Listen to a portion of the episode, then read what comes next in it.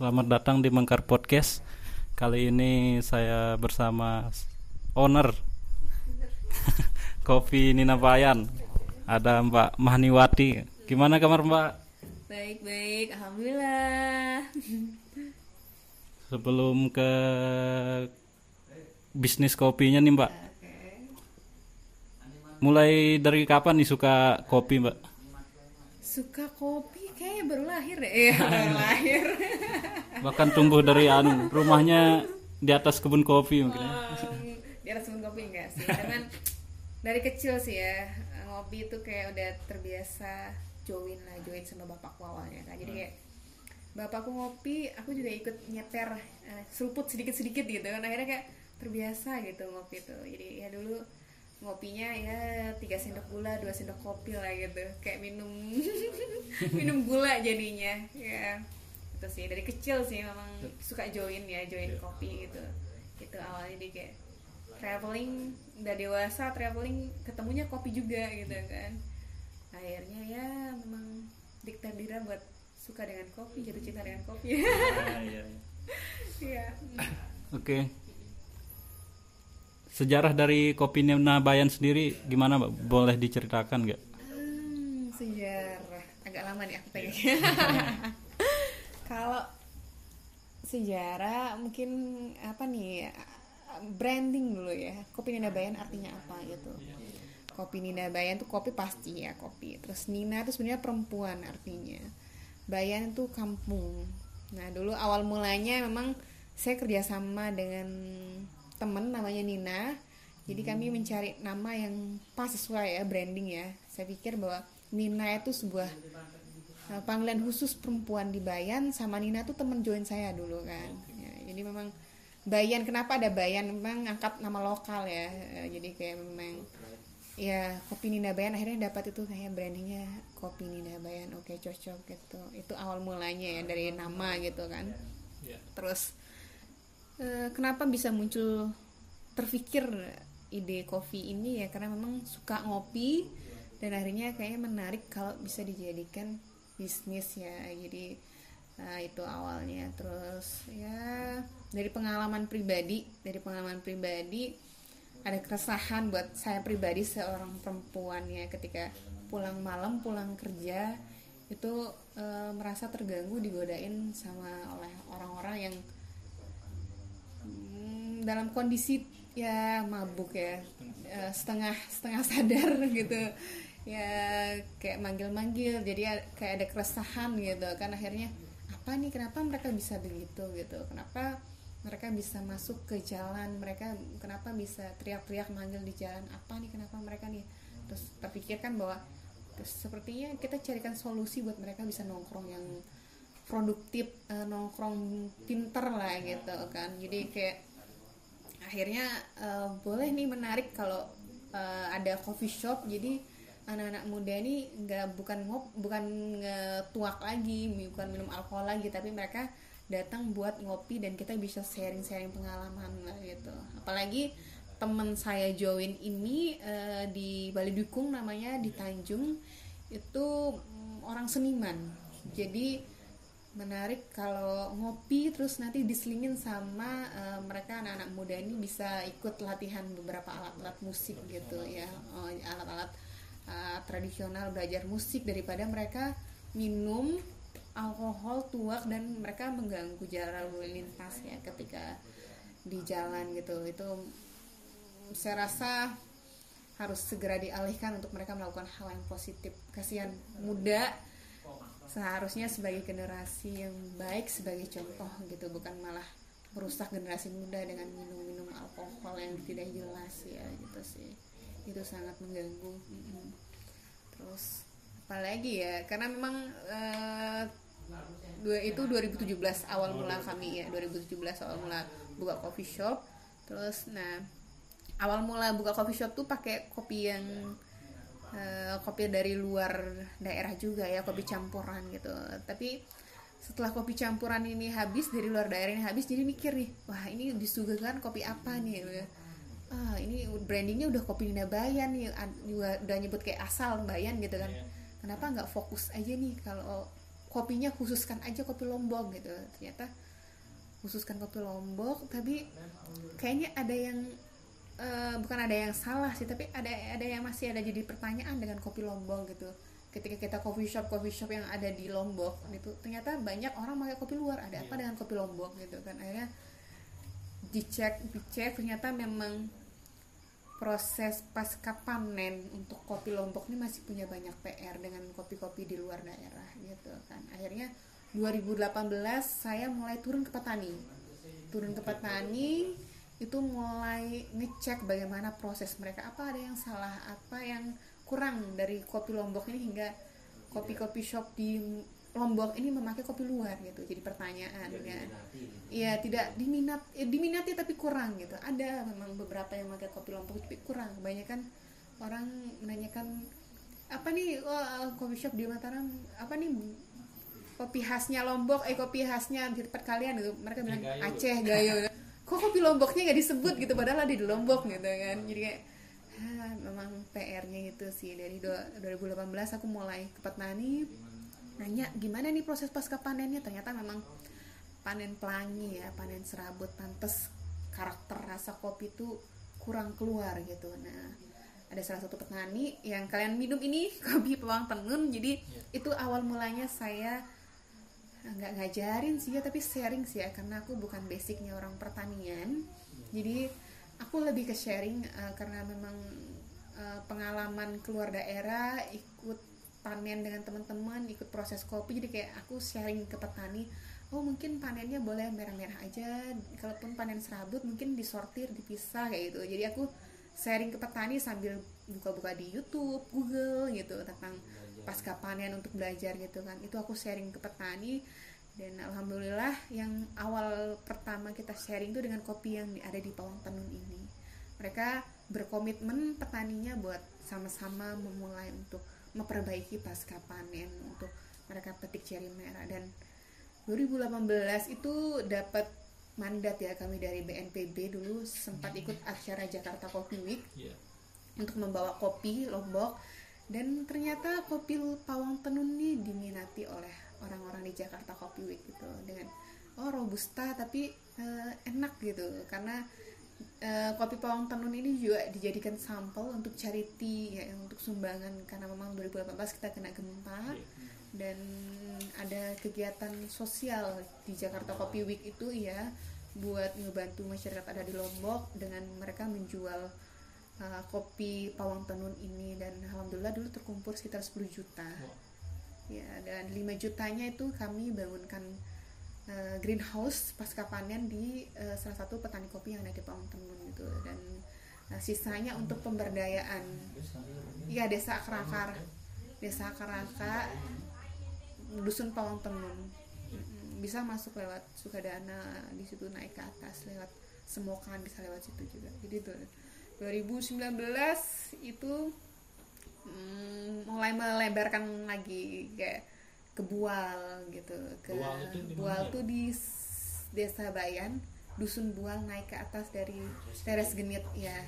Mulai melebarkan sayap untuk edukasi ke beberapa petani kayaknya petani yang kopi pang penuh udah udah paham pasca panen ya jadi mereka juga udah bisa lihat di internet juga gitu jadi sharing tinggal mereka melanjutkan lagi gitu untuk di Pawang Tenun terus akhirnya melebarkan sayap ke Bual ke Senanga ke Senanga itu di Sambielen ke Senaru gitu ada Pak Nur Saat di situ Pak Nur Saat kalau Pak Nur Saat emang beliau sudah banyak belajar banyak tahu tentang kopi juga kalau Pak Nur Saat jadi enak. Jadi kita ada ikatan kerjasama juga dengan Pak Nur Saat itu kita sharing dan saya juga kadang ngambil kopi ke Pak Nur Saat buat di apa dipromosikan seperti itu sih. 2020 mulai main di pemasaran. Um, akhirnya eh, 2019 ya. Akhir 2019 saya nggak ganti brand sih cuman menyingkat logo, ya? ya. Uh, ya ganti logo sama menyingkat menyingkat uh, karena ternyata kopi Nina Bayan agak panjang ya penyebutannya. Jadi kayak kami singkat jadi konbayan konbayan itu dua arti sebenarnya. Itu kopi Nina Bayan kepanjangan dari kopi Nina Bayan konbayan kopi Nina Bayan sama konbayan tuh karena mama fokus di Bayan ya. Kami nggak ngambil kopi di Tanjung pemenang segala macam fokus di Bayan. Iya. jadi kami menyingkatnya itu dengan konbayan kopinya. Tapi tetap tulisannya di situ kopi Nina Bayan cuman penyingkatan aja karena kami kebetulan eh, melebarkan pasar itu ke beberapa bule jadi mereka susah menyebut kopi Nina Bayan terlalu panjang buat mereka. Jadi kami menyingkat dengan konbayan akhirnya aku dulu sepakat dengan teman bahwa kami menyingkat dengan konbayan lebih gampang penyebutannya gitu. Enggak enggak berubah enggak enggak enggak enggak rebranding sih. Cuman ada eh, penambahan penyingkatan itu aja sih. Jadi konbayan Mm, itu 2020 ya kita kena corona ya ya harus lebih jago di marketing lagi untuk promosi pastinya. Tapi untuk penyerapan kopinya masih? Masih cuman ya berkurang lah ya. Yang tadinya kami bisa ngambil di petani itu dalam sebulan 60 kilo atau eh, cuman sekarang Eh, iya aku nggak ngambil. Memang edu- untuk edukasi kelompok. Cuman kalau untuk lebih ngejaga komitmen rasa eh, beberapa orang karena yang benar-benar komitmen mau petik merah dan itu mereka jujur gitu. Jadi nggak eh, kalau untuk edukasi sharing ke semua kelompok ya semua anggota kelompoknya. Tapi kalau untuk komitmen ngambil green bean itu nggak semuanya. Aku ngambil beberapa petaninya per individu jadinya. Iya, mm. gitu. kalau untuk harganya Harga? Eh, kami terbuka. dibandingkan maksud Ah, dia apa namanya dengan pasar konvensional ketimbang ke konbayannya beda harga eh, nggak berbeda sih, hampir Oke. sama sih ya. Kayak kita dengan kompetitor ya, eh, kompetitor pesaing pesaing dalam arti kita saing secara sehat ya dengan teman-teman. Kita juga ngecek sih harga mereka gitu. Dan kita menyesuaikan juga dengan harga petani. Saya jujur-jujuran dengan petani, saya jual begini segini, saya hitung harga kemasan, saya hitung harga transportasi, stiker segala macam, sama promosi untuk di WhatsApp saya bilang gitu. Saya jujur-jujuran sama petani ini harga saya segini sama orang gitu. Harga saya ngambil ke petani segini gitu. Saya nggak berani janji untuk harga mahal pak. Saya. Kalau bapak prosesnya bagus, ya tidak akan mengkhianati harga saya bilang gitu. Jadi kalau Iya, jadi kami main di situ. Kalau bapak, saya bukan pengepul saya bilang itu karena eh saya pengen petani meningkatkan kualitas ya gitu dari pasca panennya gitu. Kalau pengepul saya nggak main di situ. Gitu. Saya bukan orang yang nyetok kopi terus saya ngirim banyak bertonton enggak. Jadi saya lebih ke specialty kopi specialty-nya sih sama fine robusta lah. Eh, Main-main sedikit tapi untung dan kita menghargai proses gitu. Mm. Oke. Tadi disebutkan kopi Nina Bayan sendiri dikhususkan ngambil dari biji kopi dari daerah Bayan sendiri. Boleh di sharing nggak gimana riset penemuan anunya nih biji kopinya, Mbak? Soalnya kan Pawang Tenu ini istilahnya daerah hutan terus terpencil Iya, gitu. kenapa bisa sampai ke sana gitu Gitu. Saya sendiri orang Bayan juga nggak tahu nama bual barusan. Gimana, Mbak? Coba Iya, sharing. iya, iya. Kalau awal mulai ketemu dengan petani bapak sih, karena bapak saya ngajar di eh, pedalaman di apa eh, Semokan di SD 4 Akar-Akar ini. Jadi jaringan pertamanya di situ terus dikenalin sama petani gitu kan. Karena saya juga memang suka belusukan orangnya. Belusukan ke iya. Suka nggak suka jalan di kota gitu. Lebih suka jalan pakai sepatu gunung dan eh, main-main ke kebun gitu. Jadi awalnya itu sih jadi kayak lebih menantang aja sih gitu. memang suka belusukan akhirnya ketemu dengan petani akhirnya bisa nyambung. Nah dari petani juga saya oh mau cari arabica gitu. Oh di sini eh, arabikanya bapak ini yang tanam gitu. Akhirnya naik ke atas lagi ke kopang gitu. Lebih dusun-dusun yang pedalaman lagi. Oh di sini ada juga yang nanam arabica di Senangan namanya di Sambi Elen gitu. Ini kontaknya. Akhirnya saya ke sana. Itu jaringan dari petani-petaninya juga sih. Sama ya teman ke teman sih ada beberapa eh, karena aku memang orang NGO juga ya sih kerja di NGO ya. Jadi dapat informasi juga dari NGO teman-teman NGO jadi mereka kayak ada program pertanian program kesehatan pernikahan dini eh, pencegahan pernikahan dini. Jadi eh, masuk pelosok-pelosok pedalaman kan. Dan mereka oh di situ ada kebun kopi juga gitu pas main. Jadi kayak teman-teman aktivis NGO yang ngasih informasi itu oh boleh minta nomor kontak petaninya gitu. jadi kayak langsung ke sana jalan ke petaninya ketemu langsung gitu itu sih Oke, lanjut. Kopi Nina Bayan sendiri proses roasting hingga packaging dilakukan di Bayan atau pisah-pisah gitu? Iya. Eh, dulu awal mulanya hmm, 2017 tuh kami ngerosting di Mataram. Kalau kopinya dari sini sih ya. Ngerostingnya di Mataram karena belum ada yang eh, standar mesin roastingnya bagus di Lombok Utara. Tapi kalau sekarang sudah di Bayan ada teman yang punya mesin roasting yang apa kualitasnya bagus yang untuk mendukung kopi specialty kopi fine robusta ini untuk di Sangrai inilah bagus lah ya. Jadi udah nggak ke Mataram lagi gitu. Udah bisa roasting di Bayan gitu. Ya itu sih. Kalau packaging eh, ngemas sendiri langsung di Bayan. Cuman untuk kemasan kopi eh, banyak kan beli online sih Iya. di Mataram di kota kayaknya belum begitu mendukung untuk packaging yang udah kopinya udah fine fine robusta udah specialty tapi packagingnya jelek juga menurunkan kualitas gitu kan jadi ya kita nyoba beli di online sih yang lebih lengkap ya untuk kemasan kopi dan kami memang kemasan kopi ini eh, semi plastik ya. Eh, semi plastik nggak sih? Yang warna coklat gitu pokoknya semi plastik jadi ya, apa gak sepenuhnya menggunakan plastik ya. Karena memang pengennya sih usaha ini eh, tidak merusak lingkungan Iya. ya. Ada ya eco friendly lah. Jadi kami ada usaha tapi pengen mendukung juga untuk lingkungan gitu. Profit ada dampaknya buat masyarakat sama kemasan kami juga bisa eh, ya berbaur dengan lingkungan lah ya Iya. seperti itu Oh, mm-mm. Tadi kan branding logonya berubah ya Mbak ya? Kopi Nina. Bisa dipaparkin eh papar. dipaparkan iya iya Bisa diceritakan apa arti logo yang sekarang yang ada apa? Ada pakai apa yang di atasnya? Pakai jong asli pakaian bayan gitu kan? Oh iya, hmm, dulu memang kayak pasti kalian pernah perhatikan logonya? Kopi ya, kopi eh, kopi di biji kopi ada dua biji kopi robusta sama arabica kan bentuk logo yang pertama itu. Sama bentuk ya pasti kita menghasilkan profit ya di situ ya karena bentuk kayak bentuk uang sama cinta sih.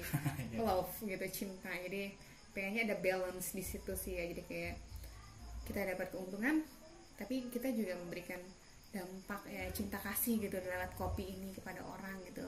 Petani menjalin hubungan harmonis lah cinta kasih gitu kan. Dengan petani dengan pengusaha terus dengan lingkungan gitu. Itu brand logo yang pertama. Cuman karena memang biar sesuai dengan nama ya sesuai dengan nama kami akhirnya rebranding dengan logo perempuan itu memakai pakaian adat Bayan dan tetap membawa kopi. Di pucuk tangannya kan ada kopi sama kayak apa ya bentuk uh, uang. Kita nggak bisa mungkiri itu uh, sama bentuk jantung gitu. Cuman bedanya ada penambahan orangnya kan. Kalau yang logo pertama hanya bentuk kopi gitu kan. Kalau sekarang ada penambahan perempuannya. Lebih pengen menonjolkan perempuan sisi perempuannya. Ya dan ternyata memang yang aku turun ke petani 2018 itu kayak surprise gitu apa menemukan ternyata di petani ini yang berperan tuh hampir 80% perempuan. Kak, saya juga wow padahal kebun gitu kan berpikirnya saya laki-laki kan yang bekerja di situ ternyata perempuan panen lebih banyak perempuan gitu terus ngejemur terus eh, numbuk itu kebanyakan perempuan berperan di situ. Laki-laki mungkin hanya menyambung kopi atau apa ya tapi ternyata di situ perempuan lebih banyak berperan. Panen kopinya perempuan terus numbuknya perempuan pakai lestung terus sangrainya perempuan sampai penyeduhannya perempuan.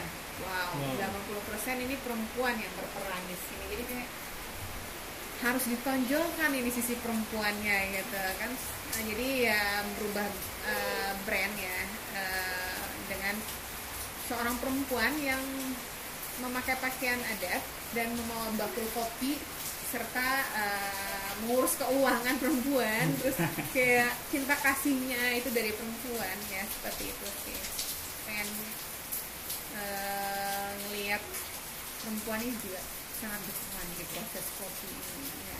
kadang sampai di bayan itu ya perempuan nggak bisa nyeduhin kopi untuk suaminya bahaya nanti bisa diceraikan gitu lah ibaratnya ya. Jadi spesial ya perempuan jadi pengen ningkatin kapasitas perempuan. Jadi nyortir juga ini perempuan dan saya pun merakit kopi juga ya mewakili perempuan gitu. Pengennya sih kalau ada eh, Rizky punya mesin roasting pengen banget bisa nge- apa ngajarin ibu-ibu juga gitu kan. Nah, jadi ada dua versi tradisional sama yang mesin gitu. Jadi pengen pengen ngasih tahu ke orang-orang aja perempuan juga bisa. Karena orang berpikir bahwa roaster namanya penyangrai kopi yang kayak modern tuh banyak laki-laki ya. Saya pengen nunjukin bahwa perempuan juga bisa di posisi itu sih.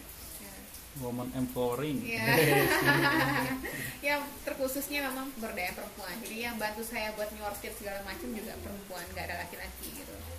Jadi penyeduhan juga perempuan gitu ya, seperti itu sih. Kekuatannya pada perempuan. Jadi rebranding ini biar lebih "Hmm, ngena aja sih perempuan. Tapi tidak tidak rombak total sih penambahan simbol tentang perempuannya gitu. Kopi logo pertama juga tetap masuk di uh, brand yang sekarang ini. Semoga jadi brand logo ini uh, semoga jadi ya untuk selama lamanya lah. ya amin amin. Oke, tadi kan Mbak Mahani sendiri sharing tentang kopi Nina Bayan yang mewakili Lombok ya ke Jakarta Coffee Week ya. Ya. Ya. Bisa sharing ke gimana pengalaman di Jakarta Coffee Week? Yang kita tahu Jakarta Coffee Week sebuah festival kopi terbesar di Indonesia ya. Iya, benar.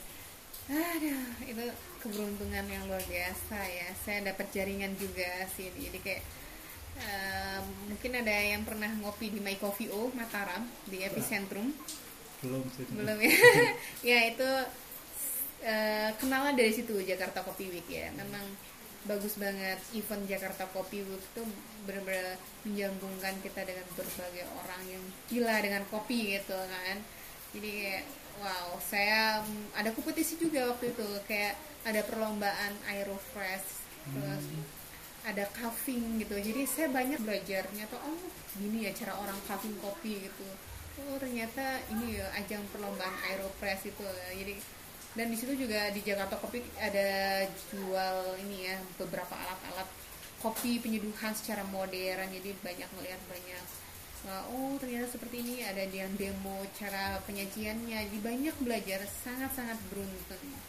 Dan semoga nanti ya ada Rizky atau mungkin dari pemerintah bisa memfasilitasi untuk mengikuti ajang Jakarta Kopi memang setiap tahun ada ya. Jadi harapannya sih ya bisa ikut lagi lah Jakarta Kopi Week ini gitu.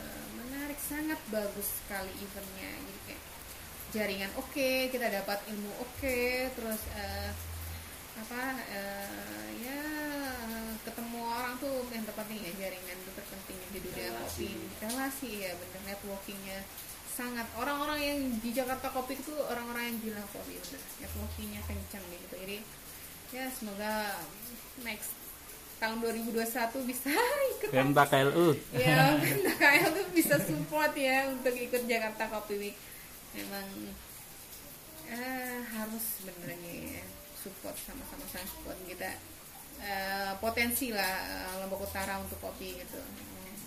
Apalagi wakil bupati yang menang Bayan ya. Ya apalagi orang banyak nih nyinggung politik ini ya Oke. ya Hingga saat ini Mbak, kopi Nina Bayan tersebar di mana saja Mbak? Di li- luar Lombok lah. di luar Lombok ya? Hmm, Indonesia ya hampir Iya, seluruh iya. Indonesia ya. Nah, ke Toraja pernah Hmm, ke Makassar pernah juga ngirimin temen. Ih banyak sih ya. Surabaya Bandung hampir lah seluruh Indonesia gitu. Ke cuman ke NTT kayaknya. Eh ke NTT ada kayaknya yang temen yang bawa juga gitu. Eh, kayaknya untuk Indonesia ya udah pernah. Sama ke luar negeri sih kemarin cuman nggak nggak Ekspor ya cuman kami eh, kerjasama dengan temen untuk ekspornya. Ada namanya Gumi Bambu di Mataram juga mereka untuk bantu ekspor ya. Sama kemarin tuh ada yang ya dari mereka eh, ketemu kami waktu pameran dengan eh, orga apa bukan organisasi komunitas ya Lombok Eco eh, Lombok Eco Plan Market.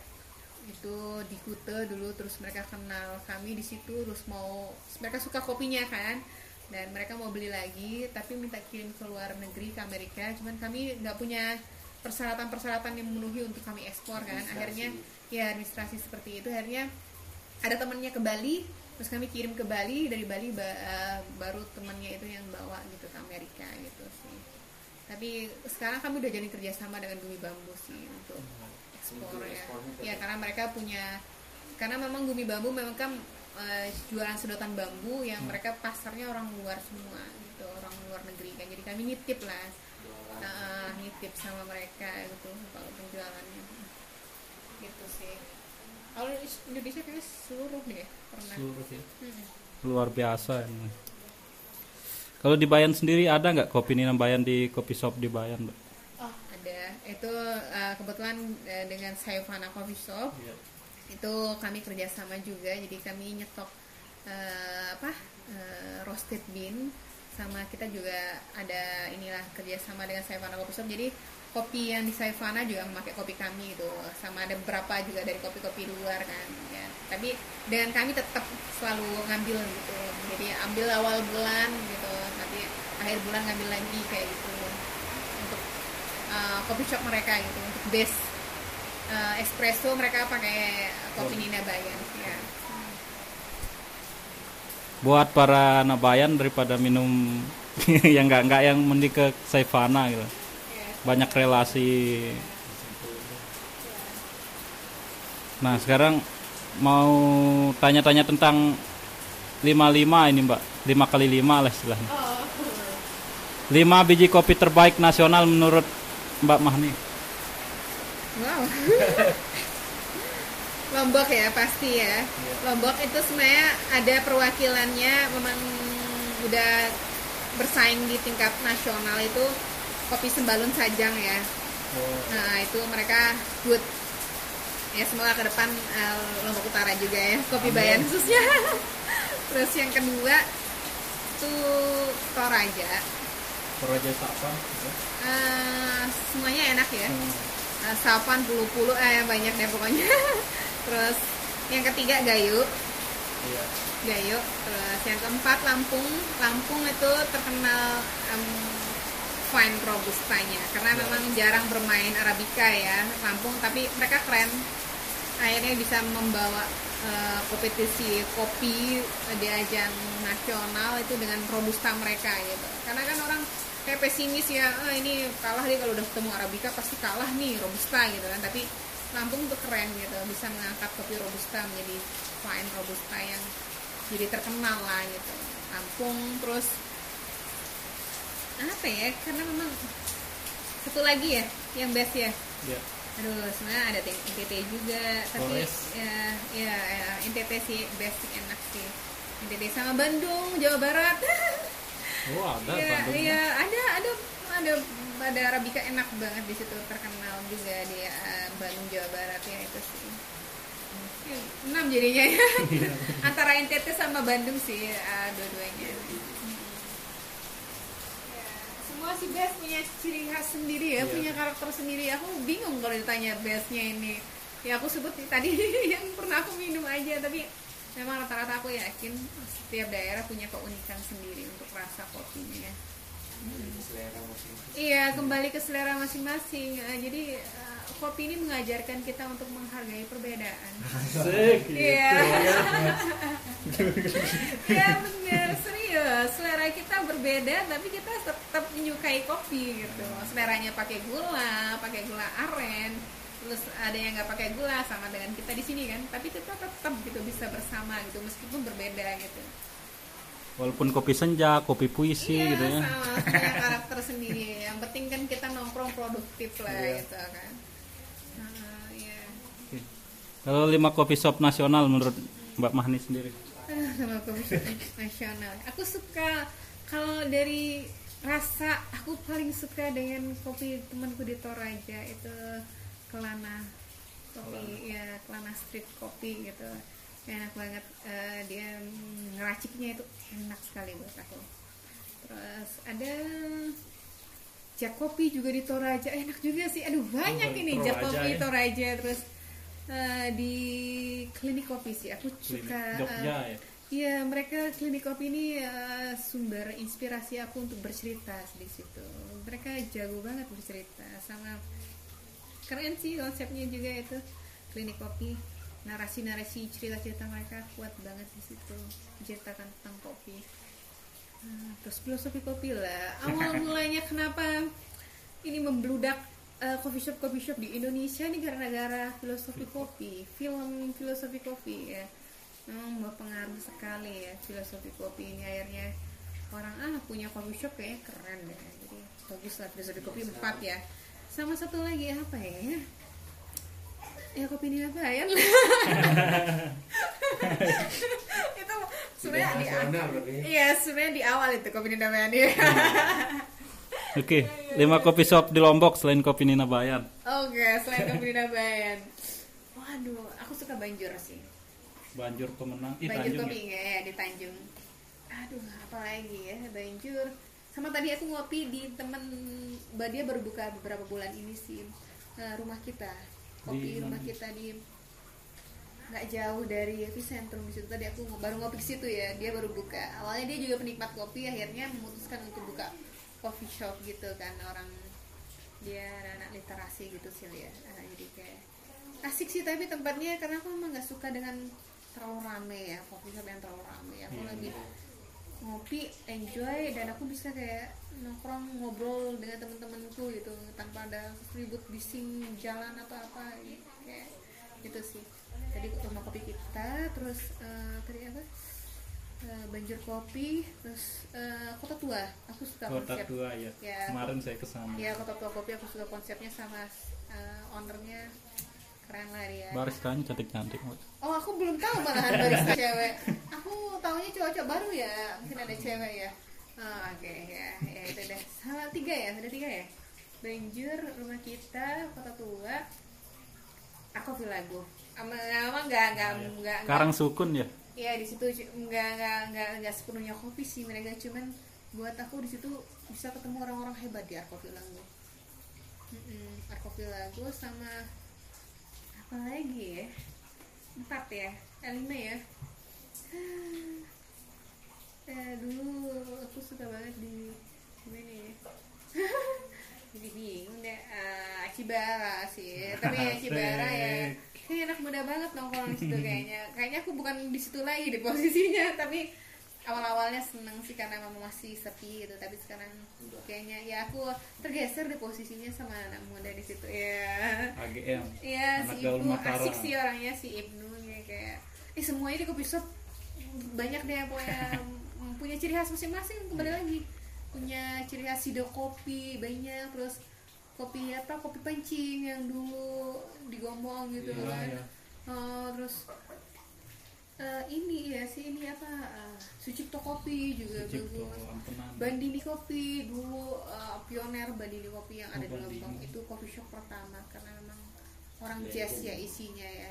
Di mana itu? Bandini Mataram Kopi juga. dulu beberapa kali pindah sih mereka. Ada Republik Suput, ada Bangkok Siben di situ Republik Suput, tapi sekarang kayaknya mereka break dulu deh kayaknya mereka. Ya. Banyak sih kopi shop, pokoknya semua di kopi shop aku suka deh. Iya Warpindo, ah, ya ya ampun aku sampai lupa Warpindo. ya ampun mereka padahal pelanggan setia kami si Warpindo. Mereka sering ngambil untuk bual ya, kopi bual. Mereka sering jadikan untuk base espresso sama arabica senanga dulu ya. Iya Warpindo bener, Warpindo tuh asik sih kumpulan-kumpulan orang-orang Anak klasik Mataram. anak klasik Mataram deh, itu anak Vespa sama anak-anak ya anak-anak jazz jazz juga banyak. Eh asik sih Warpindo bener, Warpindo juga enak sih asik ah, banyak deh ah semuanya deh bingung Oke, ke depan proyek untuk Kopi Nina Bayan pameran atau apa apa nih, Mbak? Proyek sebentar Ya, lagi. dalam waktu dekat ini akan ada pameran di Lombok Eco Market. Itu kami ada komunitas gitu sih, yaitu eh, eco friendly ya, organik. Jadi bukan sembarang buka lapak yang jualan semau maunya gitu. Kita ada kriteria ya untuk masuk komunitas Lombok Eco Flea ini. Jadi kayak nggak boleh ada plastik, terus nggak boleh harus makanan harus organik gitu. Kalau mau jualan fashion itu second hand kayak gitu. Jadi eh social eh, social entrepreneur ya jadi kayak dampak usaha kalian tuh apa untuk lingkungan masyarakat seperti itu. Itu tanggal 27 di Kute Novotel eh 20 di Kute di hotel Novotel kalau nggak salah. Ya sama di Selong Blanak nanti nanti tanggal 27 ya jadi buat teman-teman yang mau nyobain kopi Nina Bayan bisa datang ke stand kami juga. Iya sama aku sebenarnya lagi sama temen pengen ini ya. Hmm, ngangkat. Ada keresahan sih kami ya. Di salah satu petani kami yang pohon temen itu kami baru-baru dapat informasi juga bahwa di situ memang banyak pernikahan dini ya. Jadi eh, sebagian dari usaha kopi Nina Bayan ini kami sisihkan untuk edukasi ke ini apa ke pawang tenun ya. Pernikahan dini ya.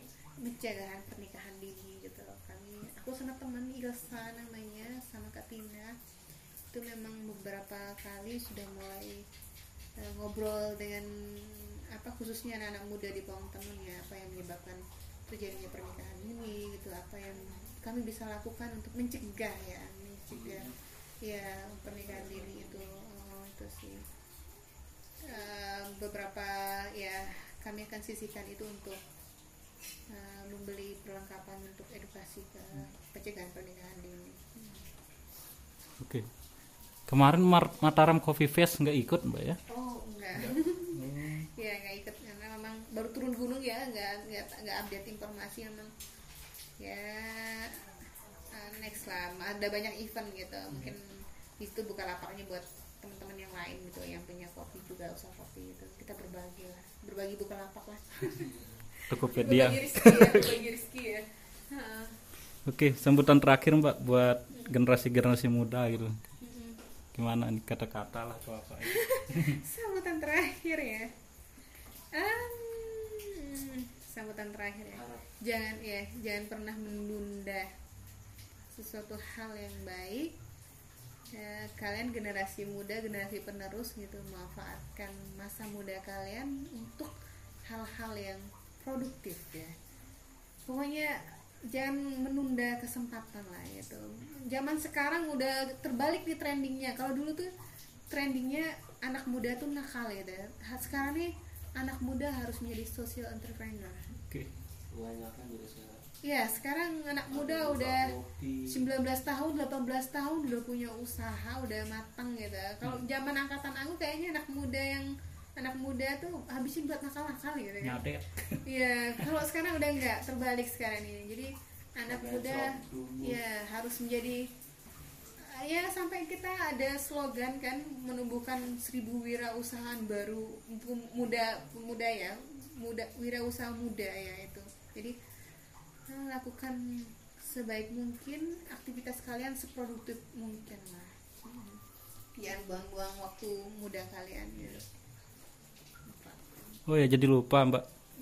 Kalau dapetin kopi Nina Bayan bisa dicek di Instagram apa atau sosmed apa. Eh, di Facebook juga ada sih, cuman nggak terlalu update Facebook ya. Kopi Nina Bayan, Eh, Kon Bayan bisa dicari juga. Sama di Instagram itu ada Kopi Nina Bayan. Ada di situ eh, hashtagnya Kopi Nina Bayan.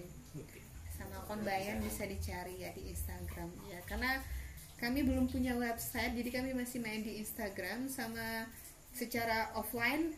Kami ada beberapa titik kopinya gitu kayak di memori eh bukan memori senja di Banjur Kopi kami ada kopi Nina Bayan juga terus di Savana Kopi Shop Iya.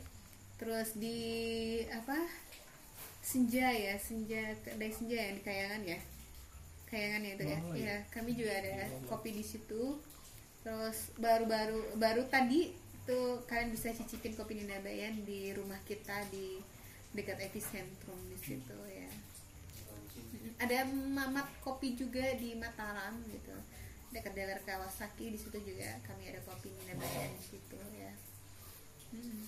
Oke, terima kasih atas waktunya Mbak Mahani. Sukses dan sehat selalu. ya dan jangan lupa help and support local business gitu sih Support your local pride.